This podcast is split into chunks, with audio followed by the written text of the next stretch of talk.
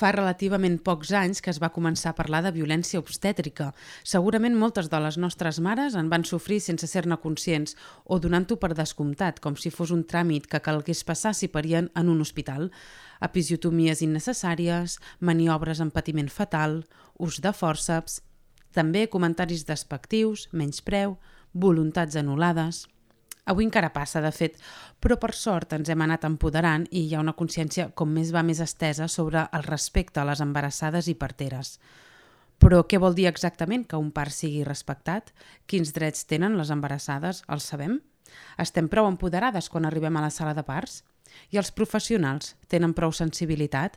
Què és un pla de part i fins a quin punt és vinculant? I en cas d'haver sofert violència obstètrica, a qui podem recórrer? També deu caldre aquesta sensibilitat en el món jurídic. Per això en aquest capítol conversem amb l'advocada Marta Busquets Gallego, especialitzada en drets sexuals i reproductius en l'àmbit obstètric. També és membre de Dona Llum, Associació Catalana per un Part Respectat, que presideix des del 2017. I és autora, entre més llibres, d'una guia de drets per a les embarassades que va publicar fa uns anys Polen Edicions amb el títol Mi embarazo i mi parto son míos. Parlarem amb ella de totes aquestes qüestions que dèiem perquè ens doni una mica de llum, mai més ben dit. Això és Aimara i de seguida posem fil a l'agulla.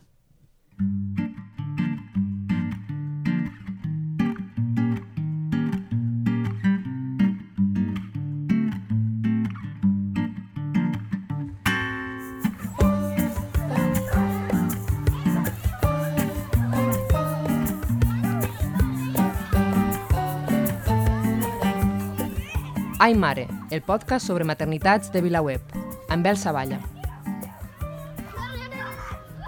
Marta Busquets, benvinguda. Gràcies per venir. Moltes gràcies per convidar-me, estic molt contenta. Comencem explicant què, què es considera un part respectat, perquè no sé si, si està clar què és o si ho confonem. A vegades sembla que ho relacionem potser amb un part natural, no? i com menys natural és, sembla que forçosament hagi de ser més agressiu. Diria que no és ben bé així. Com definiries tu un part respectat? Crec que aquesta pregunta és molt encertada perquè efectivament hi ha una confusió important respecte de què és i què no és un part respectat. I sovint, efectivament, es vincula un part respectat o l'activisme en relació al part amb un activisme a favor d'un determinat tipus de parts. Per exemple, des de Dona Llum sempre hem d'aclarir que estem a favor de totes les opcions i que, òbviament, hi ha un activisme que té a veure amb la fisiologia del part, que es relaciona amb una tradició mèdica que històricament ha patologitzat i ha medicalitzat els parts de rutina, però que això no vol dir que només siguin respectats els parts que no siguin medicalitzats o més respectats aquells amb menys intervencions. És a dir, hi ha dones, hi ha persones usuàries que durant el seu embaràs, part o postpart necessitaran intervenció tecnològica, incloent una cesària, que és una cirurgia abdominal major, i això no és un obstacle en qualsevol cas perquè aquest part sigui respectat. És a dir, sí que hi ha tot un activisme al voltant de les intervencions i quin tipus d'evidència tenen, si són necessàries o no, i sobre recuperar una idea de l'embaràs part i postpart com esdeveniments saludables i fisiològics de, de les nostres vides, no? Però dit això, eh, el gran tema és respectar els drets humans de les dones i de les persones de serveis obstètrics. No? Les dones són persones de ple dret, som dones adultes, i això vol dir que eh, tant en un context de baixa intervenció com d'alta intervenció s'ha de tenir en compte les nostres necessitats, què volem, quines pors tenim, quins desitjos tenim, què necessitem per estar bé i gaudir del procés en definitiva. No? I aleshores això vol dir que pot haver-hi un part eh, no intervingut sense epidural molt violent perquè m'està estan tractant molt malament, inclús perquè no és el que jo volia, i pot haver-hi un part amb una cesàrea perquè hi ha una placenta prèvia oclusiva total, el que sigui, hi ha un risc important, i on s'ha posat al centre les necessitats d'aquella dona, i aleshores aquell part pot i ha de ser respectat totalment.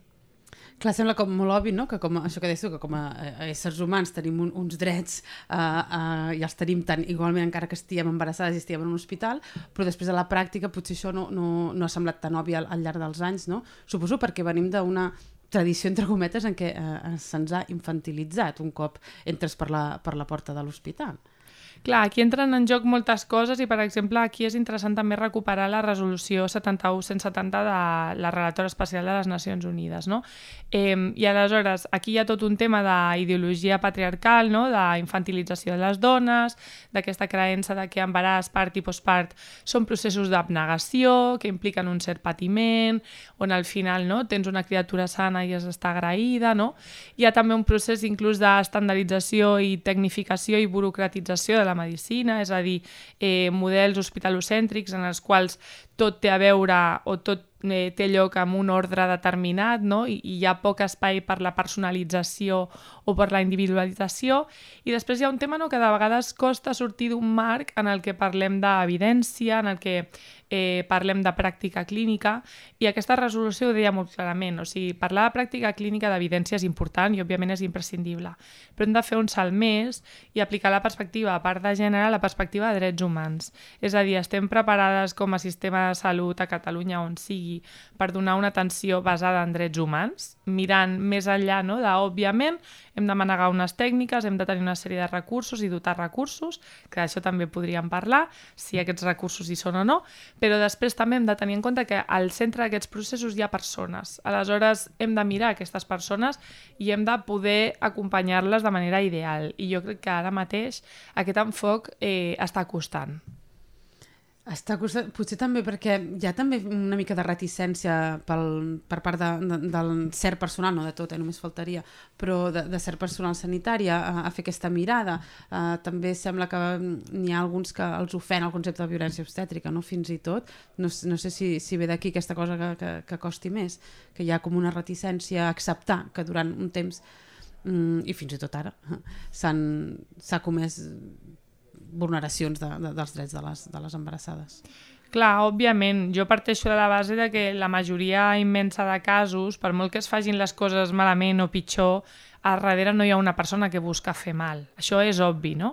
L'únic que passa que hi ha una cultura obstètrica determinada, hi ha una tradició obstètrica determinada, hi ha una sèrie de dinàmiques hospitalàries i de gremi determinades, i sí, són dinàmiques que estructuralment, a nivell de drets de les usuàries, doncs són complicades. Sí que penso que hi ha molta gent a l'avantguàrdia, inclús dintre del sector mèdic o el sector llevadores, que està intentant revertir això. En un inici estaven eh, aquestes persones més soles que actualment, jo també noto un canvi generacional, és a dir, eh, persones potser que fa molts anys que es dediquen, igual es senten més violentades, perquè al final que vol dir és, què vol dir? Que jo puc haver fet mal a algú, que jo puc haver no tractat bé algú? Per això també penso que forma part del creixement humà. A mi de vegades no, em resulta molt dolorós, no? que jo he tingut actituds racistes, eh, gordofòbiques, tot això, no? i ens fa, ens fa sentir malament i toca revisar-nos. No? Però com et dic, jo noto un gran canvi, perquè, per exemple, no, en algunes seminaris amb estudiants de Medicina, eh, fa uns anys encara era molt més complicat parlar de violència obstètrica i ara el debat és des d'un altre lloc, des d'un lloc de més escolta, en què tenen més present. Crec que mm, bueno, la societat evoluciona i al final la cultura mèdica també canviarà i evolucionarà. L'únic que són coses que van molt més lentes del que definitivament ens agradaria. Clar. I, i pensant això en, en les embarassades, um, per, com per empoderar-nos una mica en el moment del part, no? quins, quins drets tenim que, que hauríem de saber això per, per, per estar com, com més empoderades i, i ser conscients de, de què es pot fer i què no es pot fer, quins drets tinc, perquè al final també hi ha la teoria i després quan, quan t'hi trobes les coses no sempre acaben sent tan fàcils com la teoria, no? Però partim d'això, quins drets tenim com a, com a embarassades i, i parteres? Jo crec que això que dius és important perquè hi ha la part de la teoria i la part de la pràctica, però està clar que si d'entrada no coneixem els nostres drets és encara molt més difícil posar-los en pràctica, no? Per mi el gran titular seria el dret a l'autonomia i al consentiment informat. Es relaciona amb altres drets humans. De fet, els drets en l'àmbit sanitari es denominen drets de tercera generació fonamentals. No? Té a veure amb la integritat del propi cos, a com decidim viure les nostres vides, vivim en societats tardocapitalistes, no? la llibertat s'entén en termes de consum, però la llibertat té a veure, per exemple, en com em relaciono amb el meu cos, amb com em relaciono amb la meva salut. No? Aleshores, principalment, jo tinc dret a que se m'informi de per què eh, se'm proposen o no se'm proposen certes intervencions, també durant l'embaràs, les típiques proves que de vegades et presenten com una carrera d'obstacles, no? també durant l'embaràs, durant el part, durant el postpart, m'han d'explicar per què em proposen certes intervencions o no, què implica fer-les, quins possibles riscos tenen, quins beneficis tenen, què s'espera d'elles, què passa personalitzat en el meu cas, si tinc alguna condició específica, incloent l'opció de no fer res. No? I jo amb tota aquesta informació prenc decisions sobre què eh, és el més adient per mi. Mai hi ha cap opció exenta de risc, perquè sovint es parla a nivell de risc, no? i sempre primer cal fer una diferenciació important entre risc abstracte o teòric, és que estadísticament hi ha un risc de tal, això és una cosa. De patologia contrastada, és a dir, tenim un diagnòstic d'aquesta patologia que de nou té associats uns riscos determinats. Una mica amb tot el que tinguem a sobre la taula, prenem una sèrie de decisions totes les decisions poden tenir riscos i com que la medicina no és una ciència exacta, el que es considera és que cada persona ha de poder decidir amb quins riscos es sent més còmoda o no. Eh, com que cada dona és diferent i a més cada dona a cada maternitat pot viure un procés diferent perquè no és el mateix si hem, tenim experiència prèvia o no, si hem passat per una cesàrea o no, si hem tingut un part amb violència obstètrica o no, si he tingut pèrdues gestacionals o no, doncs el lògic és que igual en diferents moments necessitarem diferents tipus de cures i és important tenir això present no? i que el sistema estigui preparat per acompanyar aquesta diversitat. I aquest per mi seria el dret més important, el fet de que tenim dret a estar informades, a que se'ns informi i a poder decidir i a que se'ns acompanyi en aquestes decisions de manera amable. Clar, és a dir, que es respecti també aquestes decisions que prens, no? Perquè al final també a vegades passa que, que et trobes en segons quins, quins contextos a l'hospital i que et diguin, mira, aquí tenim aquest protocol i per tant això es fa així, no? I potser no és la teva voluntat fer-ho així, llavors potser també està bé saber que s'ha de respectar aquestes decisions que, que prenem, no? Totalment, ho diu la llei, ho diuen diferents tractats i convenis internacionals, com el conveni, el conveni d'Oviedo, ho diu la llei d'autonomia del pacient 41 barra 2002 aquí a Espanya. Eh, els protocols sovint es parla molt, però tant la llei d'ordenació de professions sanitàries com la llei general de sanitat parla dels protocols com un document organitzatiu o guia per als professionals, no? perquè ens trobem en hospitals molt grans on treballa molta gent diversa i s'intenta unificar criteris. En teoria els protocols estan basats en la millor evidència, però es posa manifest que això segurament no sigui sempre així en ciutats grans, no? en un context de ciutat com pot ser Barcelona, on hi ha molts centres i veus que existeix molta, molta disparitat entre protocols. No? Aleshores, els protocols està bé com a guia, també serveixen molt bé potser per, per veure com treballa un centre de partida. Si un centre té un protocol, per exemple, per part fisiològic, vol dir que potser ja està més acostumat a treballar des d'aquí. Si no el té, vol dir que potser té una, un punt de partida més medicalitzat. No? Però en qualsevol cas, els drets fonamentals de les dones i de les usuàries famílies sempre van per davant, òbviament. I sí que hi ha, eh, ara pensava, no? sovint una infantilització, una pressuposició no? de que no som racionals, de que no decidim bé, de que clar, no decidim... Dir, jo, jo ho sé millor, no? perquè jo tinc aquí... Clar, tu estàs en un context vulnerable i l'altre està en un context d'autoritat, no? de, de tenir l'autoritat, diguéssim. Per tant, pots, pot, et pots trobar amb això, amb, és que tu, tu no saps què és el millor per tu, no? Mhm. -huh. I, òbviament, actitud. ho sap la persona mèdica que no et coneix i t'ha vist potser clar. una hora. També jo crec que aquí hi ha un tema important no? de, de que et dones compte també que no es criminalitzen les mateixes opcions. No? Eh, sovint les decisions que tiren més cap a un embaràs part i postpart de baixa intervenció o des d'un qüestionament no? a la tecnificació, doncs, dones que expressen que volen donar llum a casa o que volen un part fisiològic, natural, són més qüestionades, no? Que inclús han acabat amb casos potser una mica sonats de repressió ja sigui judicial o de cossos de forces de seguretat de l'Estat, que si per exemple surt una famosa a la tele dient que s'induirà el part perquè el seu marit futbolista no li va bé doncs no sé què. No? I aquesta opció mai es criminalitza. Aleshores et dones compte com a societat que en el fons som lliures, però hi ha una sèrie de decisions que s'emmarquen dintre del que és tolerable, hi ha una sèrie de decisions que precisament perquè qüestionen no? l'estructura o el punt de partida, aquestes ens molesten i, i crec que és important posar de manifest que no totes les decisions molesten de la mateixa manera. Totalment. Clar, quan és un... Sí, és el que, el que deies tu ara, estem molt acostumats a això, a sentir, a mi m'induiran al part al dia, no? o me l'induiré, o m'he programat una cesària mm, sense cap raó mèdica que la, que la justifiqui, no? Um, quins, quins drets més tenim? És a dir, ens podem negar això, una intervenció? Suposo que dins d'uns uns límits, és a dir, sí que arriba un punt, però tu ets la primera que no, que no vols passar-ho malament i que vols estar sana, no? Però hi ha al, alguns moments en què no hi ha més remei que fer determinades intervencions i aquí sí que hi deu haver alguna mena d'autoritat mèdica, diguéssim, o com funciona això. Aquest és un tema una mica peliagudo. A veure, anem per parts. Òbviament, el dret al consentiment informat eh, ha, de, ha de contenir el dret a dir no. Si jo no tingués Clar. dret a rebutjar la intervenció que se'm proposa, eh, estaríem amb un dret buit de contingut. Si anem a la llei d'autonomia del pacient eh, espanyola, no?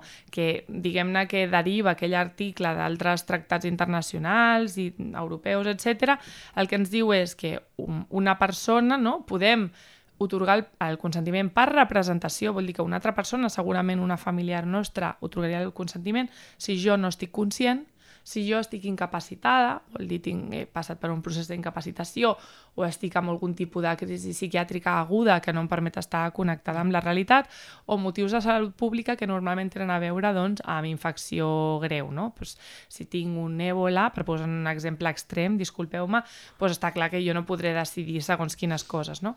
Fora d'aquests supòsits, en teoria no es pot. A Espanya, que és un país que s'ubica com a prodrets, l'argument que s'utilitza és el bé del menor. Diuen que el fetus és un menor, no?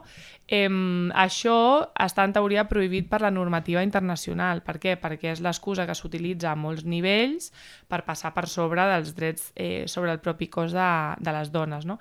I de fet, no, a, aquesta resolució que citava de les Nacions Unides, la 71 barra 170, una de les coses que diu és que eh, s'utilitza la doctrina de la necessitat mèdica, vol dir, hi havia una necessitat mèdica i per això jo he imposat el meu criteri mèdic per sobre del que em demanava la usuària per aplicar violència. És a dir, eh, jo estadísticament no he conegut a ni una sola dona que no hagi volgut que la seva criatura estigués bé. I, òbviament, segur que existirà aquest cas de laboratori, però si la meva experiència de 10 anys és significativa per a alguna doncs jo no me l'he trobat.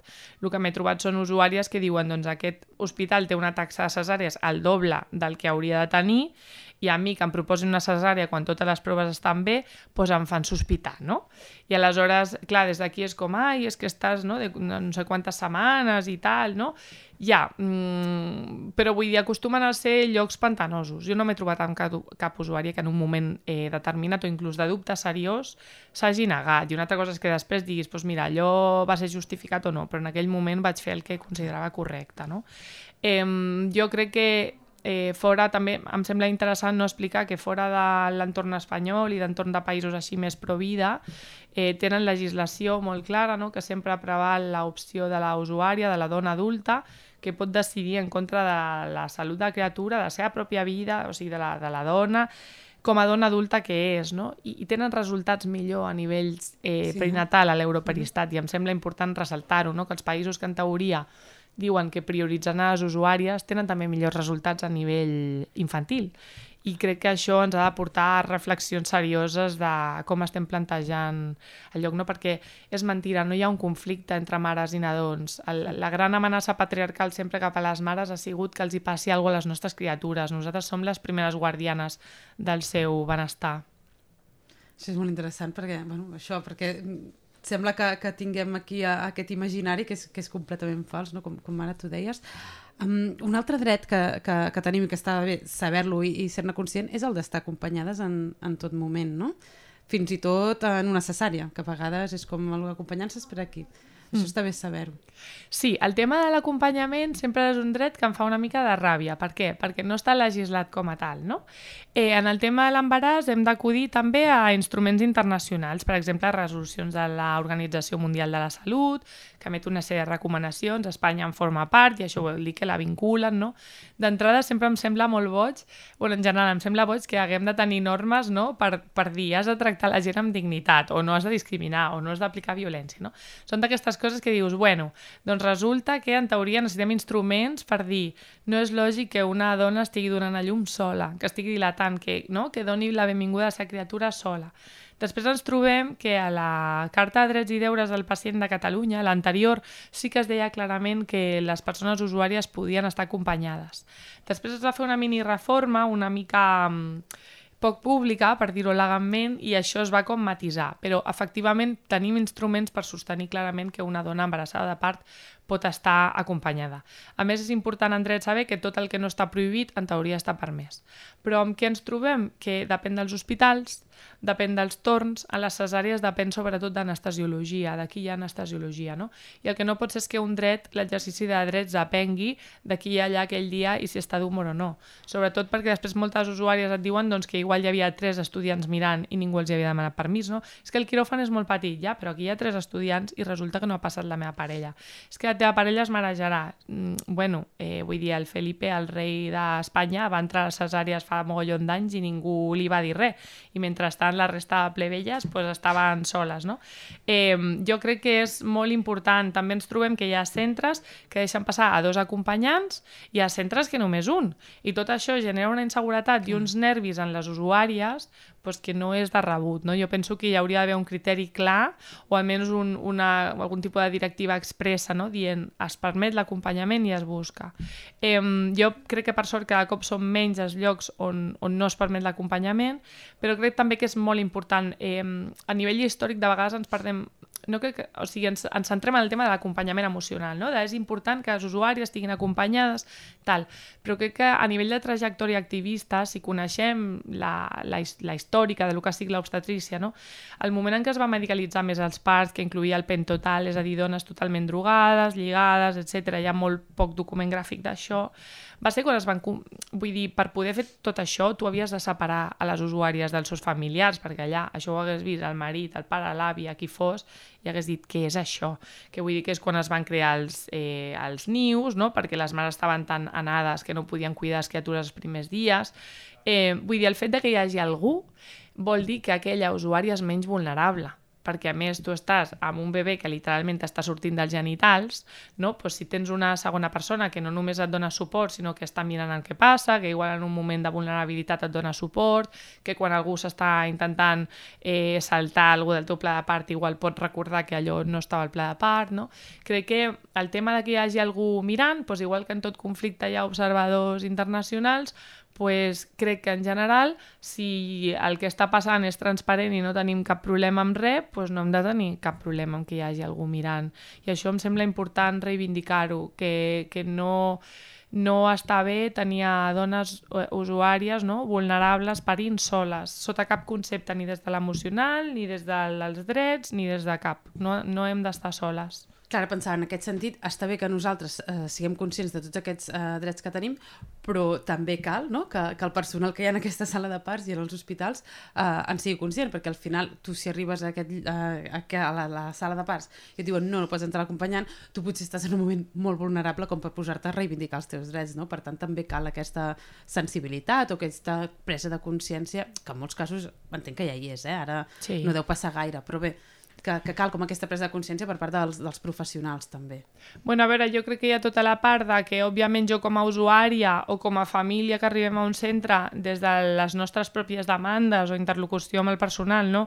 ja generem coses o generem moviments, però està clar que si jo estic allà i no demano que vull que entri l'acompanyant, igual entro sola perquè ningú m'ofereix perquè ja els hi va bé. Si ho demano, insisteixo, igual entra, no? Aquell dit tan famós pues, que qui no llora no mama.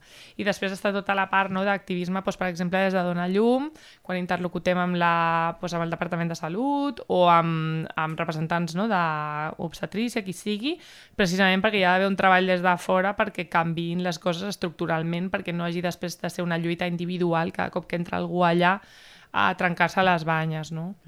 Abans has esmentat uh, els estudiants, uh, això que et trobis estudiants, també està bé um, esmentar-ho, no? que, que a vegades passa això, en, en els hospitals universitaris sobretot, no? que, que hi ha estudiants en pràctiques a, a, a la sala, uh, saber que, que ens han de demanar permís no? i que podem, uh, hem de decidir nosaltres si volem que aquestes persones siguin allà o no. Sí, aquí és interessant saber que el permís funciona en dues fases, és a dir, a mi m'han de demanar permís de si poden accedir estudiants o no a mirar i en cas que jo digui que sí que poden entrar a mirar, m'han de demanar permís perquè puguin intervenir o no. Aquí entrem ja en algunes eh, preguntes discursives que no toquen. Per exemple, et diuen, bueno, un o una resident no és un estudiant perquè ja té el grau en Medicina o en, o en Enfermeria, ja, però és que està dintre d'un programa formatiu eh, que sapiguem que els, això és un, un hospital universitari no? i ja saben que hi haurà estudiants. Hi ha una sentència del Tribunal Europeu de Drets Humans, que si no m'equivoco és del 2014, Konovaleva contra Rússia, on es va eh, determinar no, que també als hospitals universitaris les usuàries tenim dret a, a autoritzar o no la presència d'estudiants. De fet, es va condemnar per això i perquè el fet de que hi haguessin hagut estudiants, malgrat ella havia expressat que no volia, havia vulnerat el seu dret a la confidencialitat i a la protecció de dades, perquè hi havia hagut molta gent que havia accedit a el que li està passant a ella i no tocava. No? Hi ha una ordre també ministerial sobre aquest tema on explica tot això i jo de totes maneres ho porto un lloc inclús més lluny, no?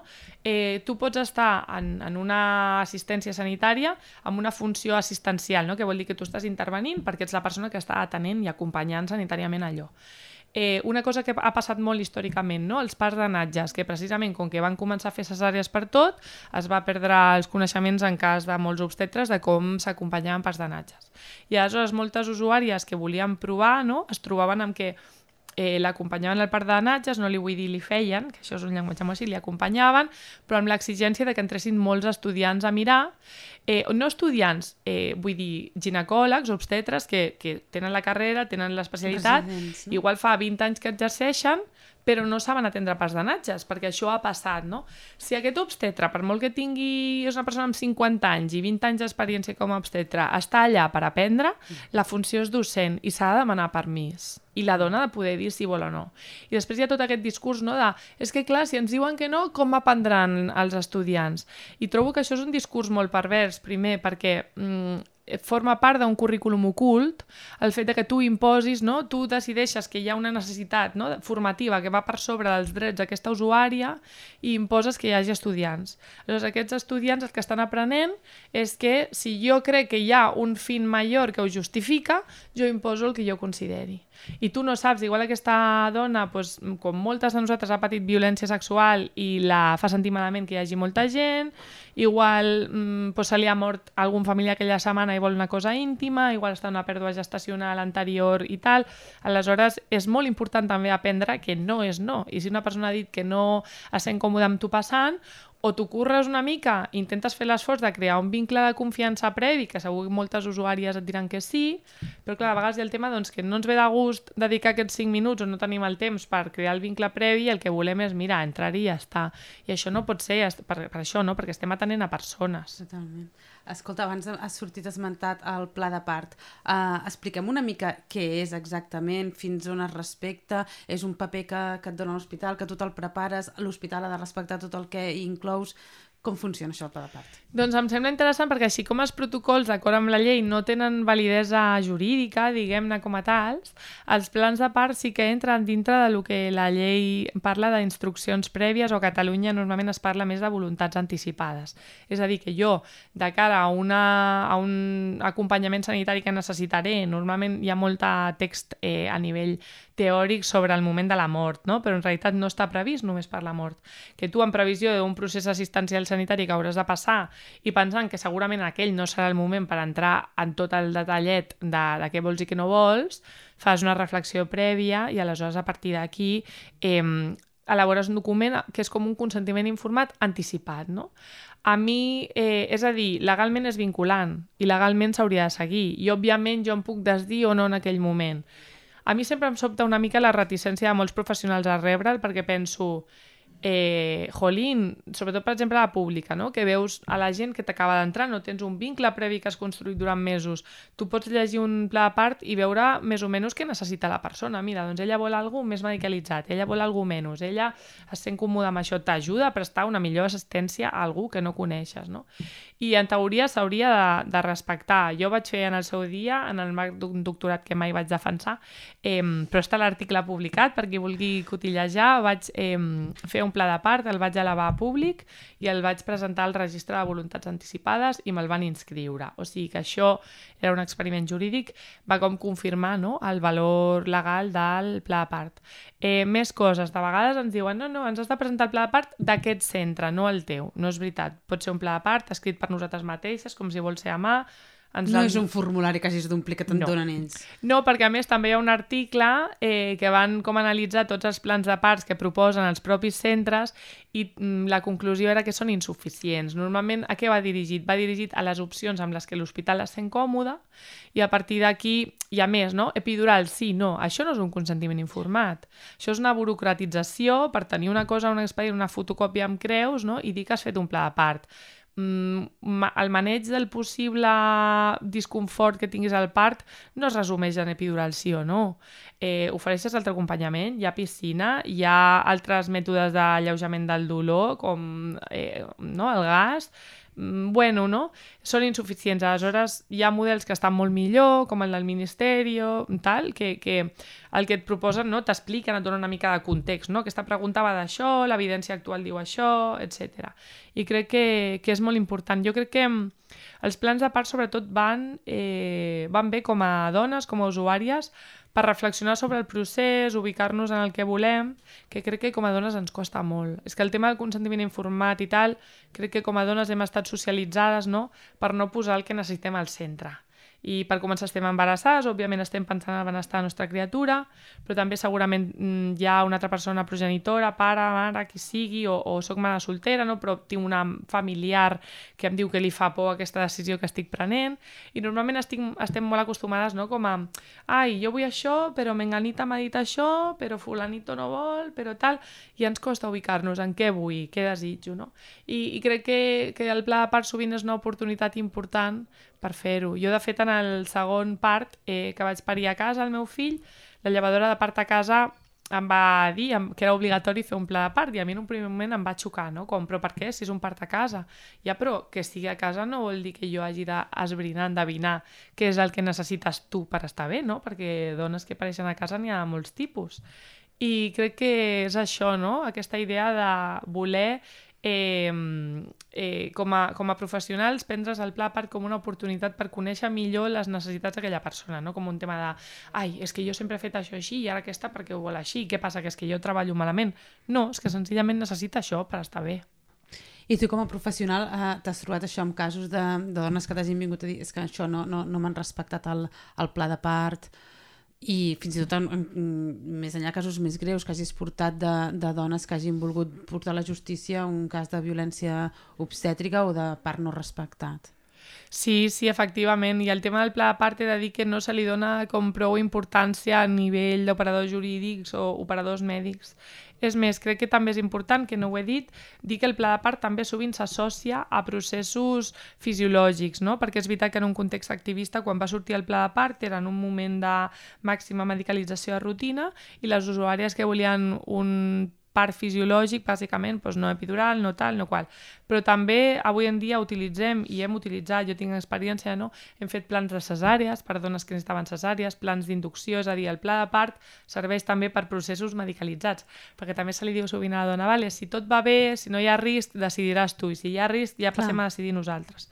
I això no és així. En teoria, major nivell de risc, legalment, majors nivells, obligacions de consentiment informat i encara que hi hagi risc, jo puc seguir decidint i puc convertir la cesària en algo que ha sigut el meu procés. I aquesta diferència entre que sigui traumàtic o no, no?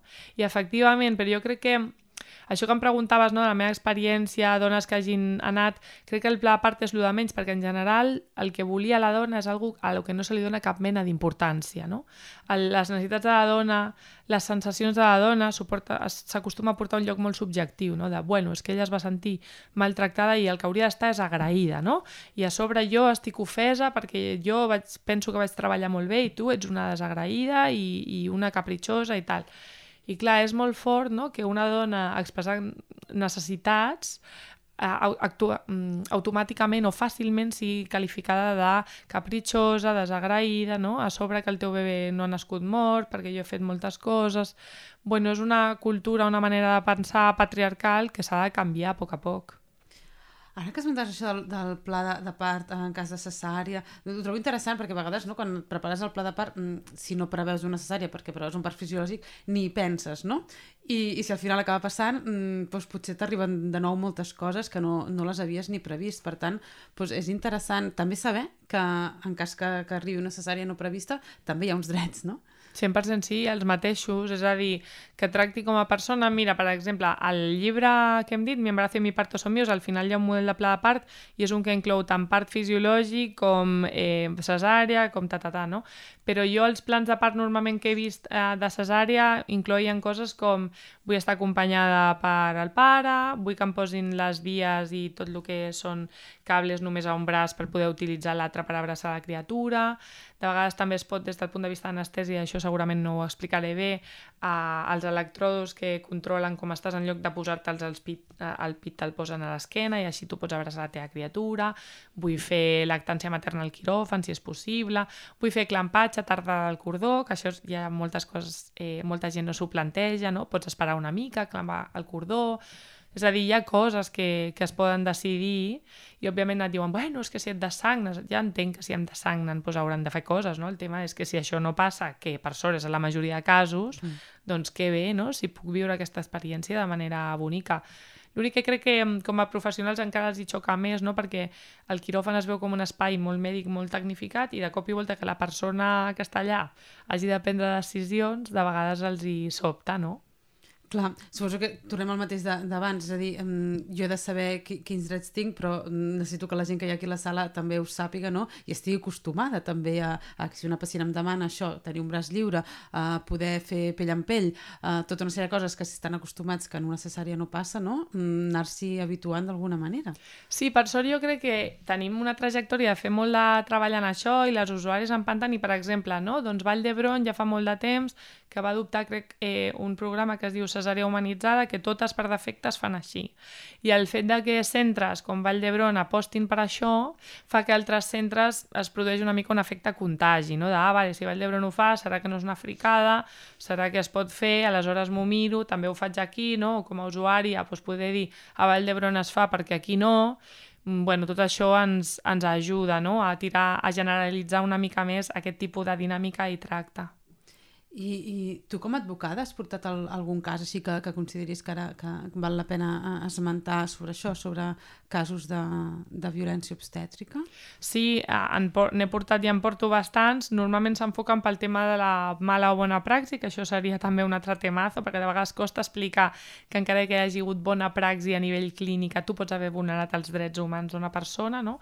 o pot haver-hi hagut mala praxi i a nivell de drets humans eh, tot bé, això de vegades costa, no? però per exemple potser un dels temes que està més mediatitzat és el del cas d'Oviedo, aquesta usuària que va voler donar llum a casa i va acabar escoltada per la policia per ordre judicial a l'hospital on va acabar parint per cesàrea sota anestèsia general. Tot això, això com es... passa? És a dir, com et ve buscar la policia perquè vagis a parir a un hospital? Doncs perquè l'hospital la va denunciar, clar, òbviament jo puc explicar de la versió de la meva representada i òbviament aquí també està el tema que puc parlar d'això doncs, perquè ha sigut un cas públic, ella ja ha fet publicar moltes dades, òbviament no traspassaria la meva confidencialitat, no? però l'hospital li va proposar o li va mig imposar una inducció per edat gestacional, això vol dir que arribes a un determinat número de setmanes, que aquí també val esmentar que el tema de la fetge, la data provada de part és una cosa bastant complicada perquè de vegades parteix de càlculs matemàtics que no es correspon amb última menstruació o el que sigui, no? i li van dir que li havien d'enduir, ella va dir que necessitava pensar-s'ho, es va fer els controls, tot estava bé, va anar a demanar una segona opinió, va tornar a la tarda a l'hospital, estava tancat al servei, va anar a casa, es va posar de part, estava amb la llevadora a part a casa, tot bé, i el següent que va passar és que va arribar la policia amb una ordre judicial perquè l'hospital havia trucat i la jutgessa ho havia donat, que aquí també penso no, que de vegades la mala sort a la vida existeix, no? perquè si en aquesta cadena d'esdeveniments algú hagués dit, escolta, què està passant? No? Aquesta jutgessa hagués volgut parlar amb ella o el que fos, però bueno, sí, va acabar així i aquí hi ha hagut un procés no, de, de recursos, etc a nivell judicial, amb un discurs, i també ho puc dir perquè la sentència, per exemple, del Constitucional, la última, es publica al BOE, no? un discurs eh, en la meva opinió, absolutament patriarcal per part dels operadors jurídics, ¿no? de, de por supuesto va por delante la vida del feto a cualquier otra consideración, eh, eh, que, la, ¿no? que la, aquesta usuària ha tenido un trato exquisito, tot el tema de que li van fer tactes vaginals eh, amb la seva oposició, no? aquest discurs eh, hiperproblemàtic, no? perquè al final la representació lletrada del Principat d'Astúries, però és una tesi que ha donat per bona a tots els jutjats a tots els nivells, deien que mm, s'havia demostrat que ella s'havia fet controls ginecològics, no? la típica citologia que et fica en un espècul, i que això demostra que sentia còmode amb que li introduessin coses a la vagina i que havia superat eh, una possible agressió. No? Això vol dir que no? qualsevol usuària, si ho extrapolem, que tu t'hagis anat a fer un dia una citologia, vol dir que em sento còmode en que em fiquin coses a la vagina d'aquí al futur, no? I, I crec que són discursos molt perillosos que estan també a dintre de, dels operadors eh, jurídics i que hem de seguir eh, oposant-nos obertament a ells i, clar, seguir buscant on ens donin la raó, perquè, eh, bueno, és que no pot ser. A mi m'ho preguntes i no, no pot ser, no? I més en un context de la llei del sí és sí i tot, i que aquí encara no tenim clar que no podem ficar coses als genitals de la gent sense el seu permís o amb la seva oposició expressa, no? És molt bèstia. Clar, perquè aquí és el que, el que dèiem a l'entrada, no? és a dir, també, també cal aquesta sensibilitat en, en el món jurídic, perquè al final és això, quan passen aquestes vulneracions i anem al jutge, necessitem que, que en el món jurídic eh, hi hagi aquesta presa de consciència i aquesta sensibilitat perquè, bueno, perquè no diguin aquestes bajanades, no? Sí, de fet et veuen com estranya, no? Jo aquí a Catalunya, que tenim la llei per l'erradicació de violències masclistes, que sí que inclou una definició de violència obstètrica, que tenim resolucions, que hi ha condemnes a Espanya, no? quan tu menciones a jutjats, tot i així es viu com algo estrany, com algo ideològic teu, que és com, mira, és que això no és una ideologia, no sé, les Nacions Unides són zero sospitoses de ser antisistema i tenen una resolució, no? I, i ho veuen com una excentricitat teva, com algo ideològic, com, com, com una cosa estranya i estrambòtica, i és com, no, mira, és que és la meva obligació com a operadora jurídica introduir la perspectiva de gènere i la perspectiva de drets humans. No és un capritxi, és la meva obligació introduir-la, manegar-la i defensar-la. I aleshores, eh, quan no estem aquí, vol dir que no estem ni als mínims del que hauríem d'estar. I desgraciadament és difícil, però piquem molta pedra perquè hi ha molta gent que ens ho estem... No parlo, vull dir, moltes usuàries jugant-se a moltes coses mentre això no estigui estandarditzat. Perquè a, a nivell eh, legislatiu, és a dir, què es considera violència obstètrica? Doncs, per exemple, a Catalunya, òbviament no et sabré recitar l'article, però es posa molt d'èmfasi eh, tant en el tema de les intervencions justificades o injustificades a nivell d'evidència, però sobretot en el consentiment informat, no? amb el fet de que jo com a dona eh, se'm, se'm tregui la capacitat de decidir sobre el meu propi cos, sobre la meva capacitat de prendre decisions en el meu àmbit sexual i reproductiu. No? I mm, també aquí va vinculat a l'avortament, no? però vull dir, embaràs part i postpart tenen a veure amb la nostra sexualitat, amb els nostres drets sexuals i reproductius, que sabem que històricament són un niu de discriminació tremenda, i aleshores eh, des d'aquí qualsevol cosa que limiti els nostres drets, al propi cos, a, a la salut, etc en aquest moment, es pot, és susceptible no? de ser violència obstètrica la, les resolucions de les Nacions Unides ho vinculen també no, a aquestes creences patriarcals de les que parlàvem, de com és una bona dona, una bona mare en un procés d'embaràs part i postpart, que segurament seria una dona sumissa, una dona que no es queixa, una dona que accepta patir, una dona que no qüestiona, etc. No? I, i, i òbviament doncs, aquí també entren en joc el tema dels, dels drets humans Clar, ara des, venim d'aquesta tradició de, de dona submisa, per tant és com molt important aquest, aquest empoderament que dèiem i, i, i ser molt conscients de, dels drets que tenim. Ara feies esment de, de l'avortament. Et volia demanar um, per la teva, la teva opinió, com veus el, aquesta, la darrera regulació sobre l'avortament voluntari, um, com està la cosa, perquè sí que hi ha hagut avenços, però també hi ha hagut crítiques que no s'ha avançat prou, tampoc no sé com quedarà la cosa ara amb els nous governs que hi pugui haver, però com ho veus des, de, des del teu punt de vista? A veure, jo per començar, l'última modificació el que hem fet ha sigut tornar una mica a aquest estat anterior, traient el període de reflexió de tres dies, el tema de la majoria de o no, que de fet la llei d'autonomia del pacient estableix que l'edat a nivell sanitari per otorgar consentiment o no acostuma a ser els 16 anys. O sigui que el que han fet és una mica tornar al model anterior. Eh, I també intentar solucionar el tema de l'objecció de consciència, perquè a Espanya n'hi ha molta. També es donen aquestes situacions que ja ho diu la llei, que en teoria és un exercici individual, però de vegades hi ha una persona a cap de servei que és objectora i això vol dir que ningú pot, pot eh, no, no objectar. I aquí jo introduiria diverses reflexions. A mi el tema de l'objecció de consciència em sembla bastant pervers perquè sempre s'utilitza en contra dels drets fonamentals. És una cosa que estava pensada doncs, per no anar a l'exèrcit a tirar bombes a una guerra imperialista, bien, però després eh, s'utilitza per retallar els drets d'usuàries. Jo no he vist mai a cap anestesiòloga, per exemple, dir soc objectora de consciència de cesàries que fem tots els divendres a la tarda a tot pitxi que entra aquí, no? O soc objectora de consciència de Cristeller i jo no entraré a un peritori on s'estigui fent una Cristeller. Només subjecta a nivell de consciència i no, no vull fer un avortament.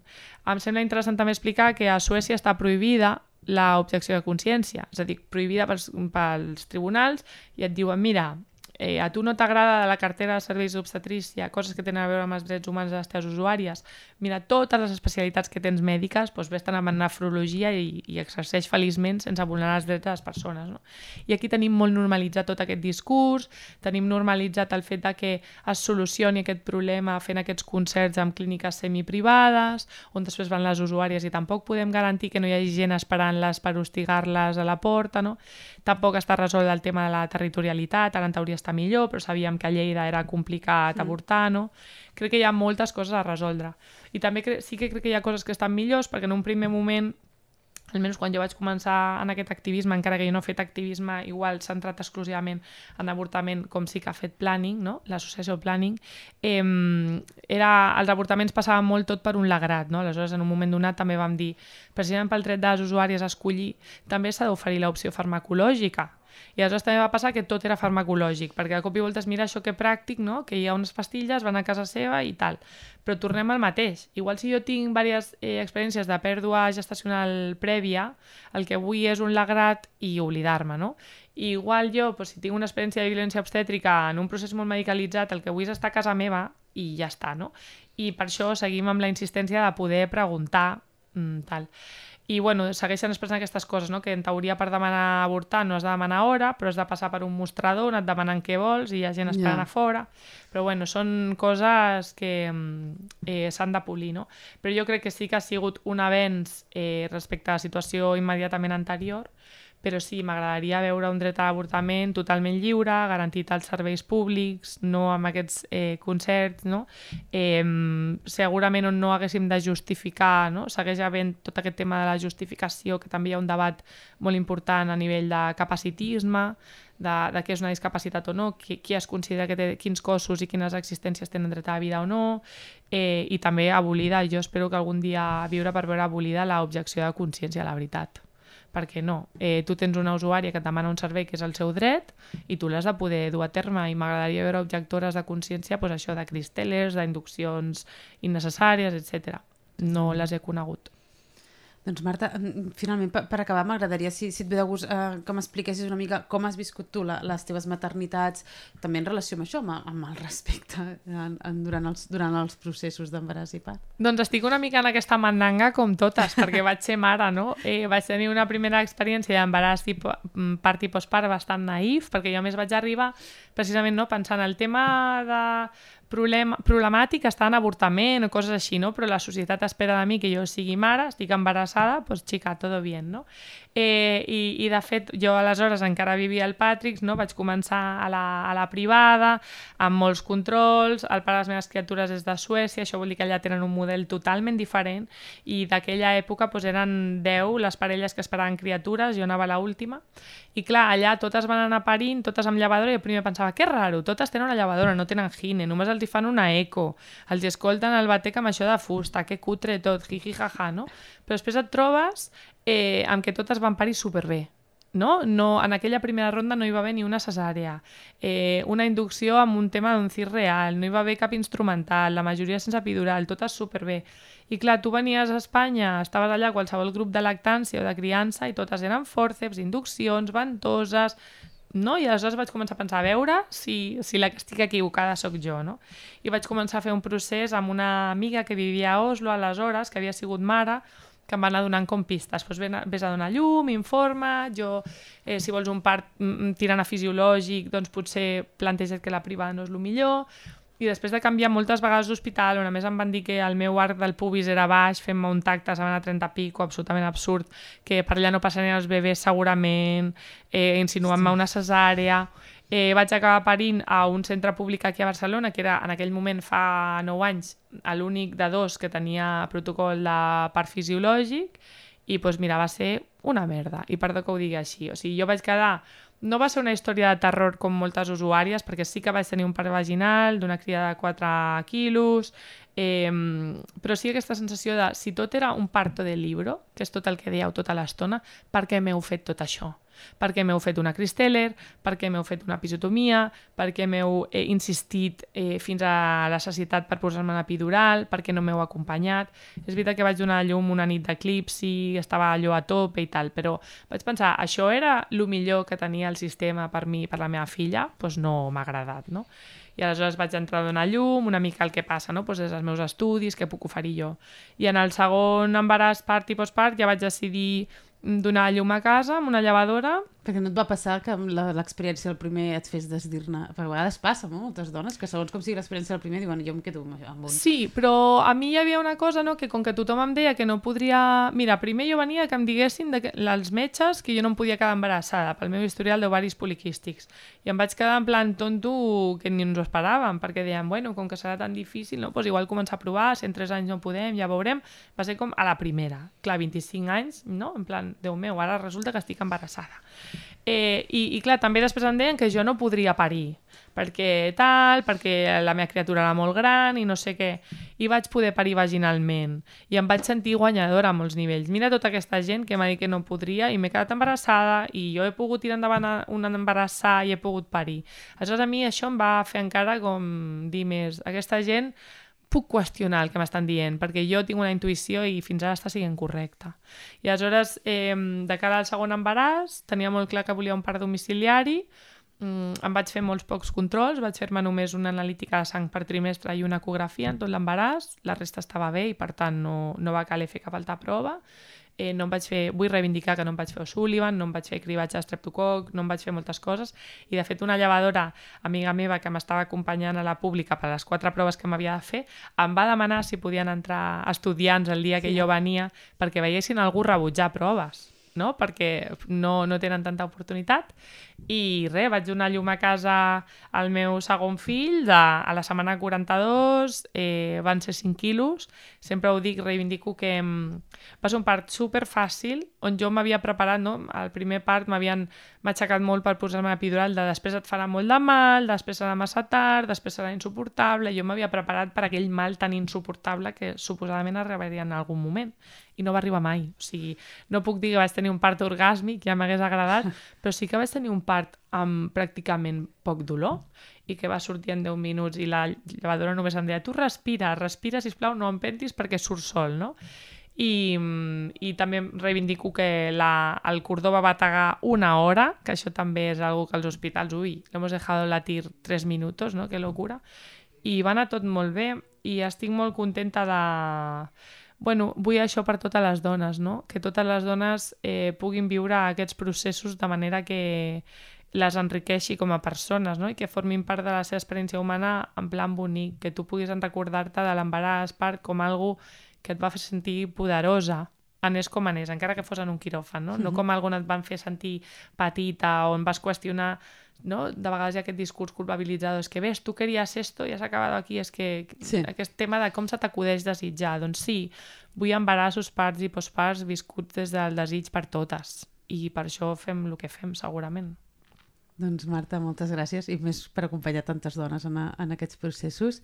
Gràcies per, per haver vingut aquí a explicar-nos-ho. Gràcies a vosaltres per convidar-me. Un plaer. Gràcies.